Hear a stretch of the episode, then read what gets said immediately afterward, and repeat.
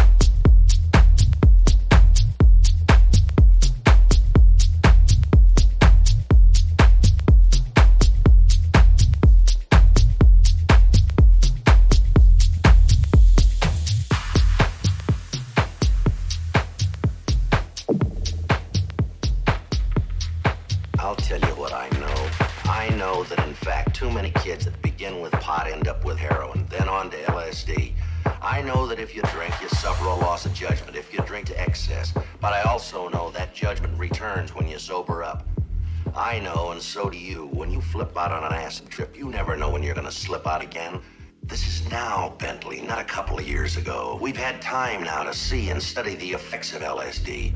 People who haven't had a dose in weeks sail out on another trip. They never know when.